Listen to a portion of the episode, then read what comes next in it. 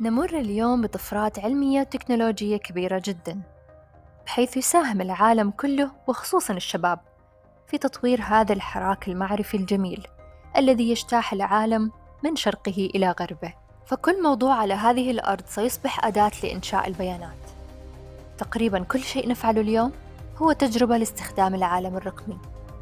وكل التفاصيل الصغيرة التي ننشرها أصبحت تستخدم لغرض ما. ولم تعد صغيرة الآن فهي تسمى بالبيانات الضخمة ال big data. وصلنا اليوم إلى عصر ذاكرة التخزين إنك تخزن معلوماتك في مكان في الإنترنت مثل ال Dropbox ال iCloud أو ال Google Drive وغيرها من المواقع اللي تحولت لخزائننا الخاصة اللي أعطتنا القدرة للوصول إلى المعلومة في أي وقت ومن أي مكان. وجعلت الشركات أيضا إنها تكون عندها الفرصة لتقرصن حياتنا.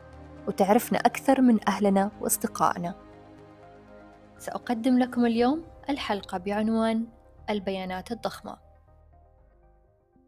منذ آلاف السنين والإنسان يحاول إنه يدون تفاصيل حياته والأحداث اللي يمر فيها بطرق مختلفة مثل الرسم على الكهوف ونحت الرموز على الصخور إلى أن وصلنا الآن إلى عالم الفضاء الإلكتروني. نتعرض الآن لأكبر قدر من المعلومات في يوم واحد. ولكن يجب أن نكون حذرين جدا لأنه في هذا المحيط الشاسع من البيانات هناك صورة شبه كاملة تماما من كل شخص فينا. من حيث أين نذهب وأين نعيش وماذا نشتري أو حتى ماذا نقول كله يتم تسجيله وتخزينه للأبد. ولكن أين؟ هذه قصة ثورة غير عادية تجتاح حياتنا بشكل غير مرئي تقريبا. وكيف يتطور كوكبنا في ظل هذا النظام؟ بحيث أنه كل شخص فينا يعمل كمستشعر بشري. هذه بداية المرحلة البشرية من البيانات الضخمة. يكثر الحديث عن البيانات الضخمة أو ما تعرف بال big data وتأثيرها على العالم. وأصبحت محاولات الاستفادة من تحليلات البيانات الضخمة عاملا مشتركا بين الشركات الكبيرة والناشئة حتى الجامعات والمراكز البحثية والدول المتقدمة. كما أنها أتاحت الفرصة لرواد الأعمال لإنشاء مشاريع قد تساعد القطاعات الحكومية بأنها تختزن هذه البيانات الرقمية الهائلة في تنظيم بياناتها وتحليلها. هناك عشرات الملايين من الأفراد في أنحاء العالم يستخدموا الهواتف الذكية لإجراء مكالماتهم وإرسال الرسائل واستخدام البريد الإلكتروني حتى مشاهدة الآلاف من المحتويات الرقمية.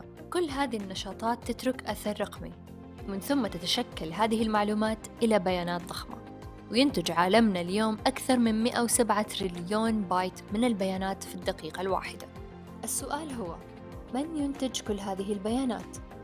قبل ظهور الإنترنت كان موظفون المؤسسات الحكومية والخاصة هم أكثر من ينتج ويخزن ويحلل البيانات وكانت عبارة عن وثائق ومعاملات مالية أو شخصية أو عن الزبائن والبيع والشراء. أما اليوم فمن ينتج هذه البيانات في العالم هم أشخاص عاديين مثلي ومثلك.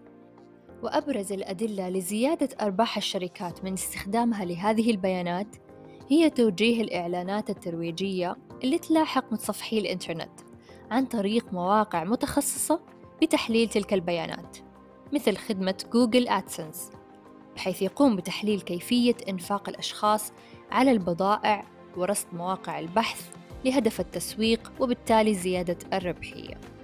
وغير المواقع اللي تحولت إلى خزائننا الخاصة لكنها ليست في منازلنا ولا في هواتفنا بل في مزرعة ضخمة من الكمبيوترات العملاقة اللي فيها مساحات تخزين هائلة حيث أعطتنا القدرة للوصول للمعلومة في أي وقت ومن أي مكان.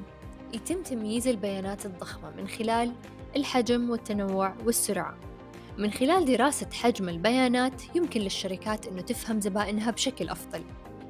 فتخيلوا مثلا البحث في بيانات مشتريات مليون شخص يتعامل مع متجر وولمارت هذا البحث والتحليل في الكم الهائل من فواتير المشتريات وتنوعها سيعطي معلومات مفيدة جدا للإدارة ومتخذي القرار.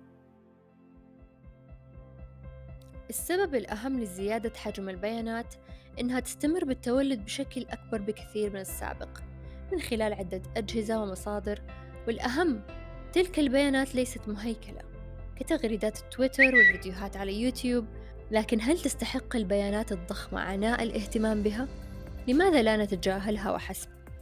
تشير الدراسات من غارتنر أن هناك حوالي 15% من الشركات تستفيد بشكل جيد من البيانات الضخمة ولكن هذه الشركات حققت فعالية 20% فقط من المؤشرات المالية. لكن حتى تصل لهذه النتيجة التي لا يحققها منافسيك عليك استخدام تقنيات ومفاهيم جديدة إبداعية مخصصة للتعامل مع البيانات الضخمة. موقع أمازون dot com يعالج ملايين العمليات الخلفية يوميا فضلا عن استفسارات أكثر من نصف مليون بائع طرف ثالث.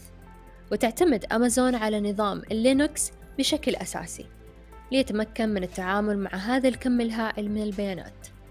تملك أمازون أكبر ثلاث قواعد بيانات لينوكس في العالم وتصل سعتها إلى 24 تيرابايت. بالإضافة أيضا إلى موقع جوجل الذي يستقبل يوميا 91 مليون طلب بحث وهي تعتبر حوالي نصف عمليات البحث على الإنترنت حيث يقوم الموقع بتخزين كافة البيانات الخاصة عن كل عملية بحث. ولحد اليوم فإن شركة جوجل استقبلت أكثر من 33 مليار عملية إدخال لقاعدة البيانات. فلذلك يمكننا الاستفادة من البيانات الضخمة في عدة مجالات منها المجالات الاقتصادية والمجالات العسكرية والطبية والتجارة الإلكترونية حتى أيضا في تحسين عملية صنع القرار. وتعتمد البيانات الضخمة على خصائص ثلاث الحجم والتنوع والسرعة. وأخيرا أقولها لكم باختصار. قد تكون البيانات الضخمة عاملا رئيسيا للإنتاج ربما أكثر من الأرض والعمل ورأس المال لتدفع إلى تحقيق مستويات أعلى من الجودة والكفاءة كما تعطي نطاقا غير مسبوق لفهم المجتمع عموما والعربي خصوصا وتحسين مستوى معيشته.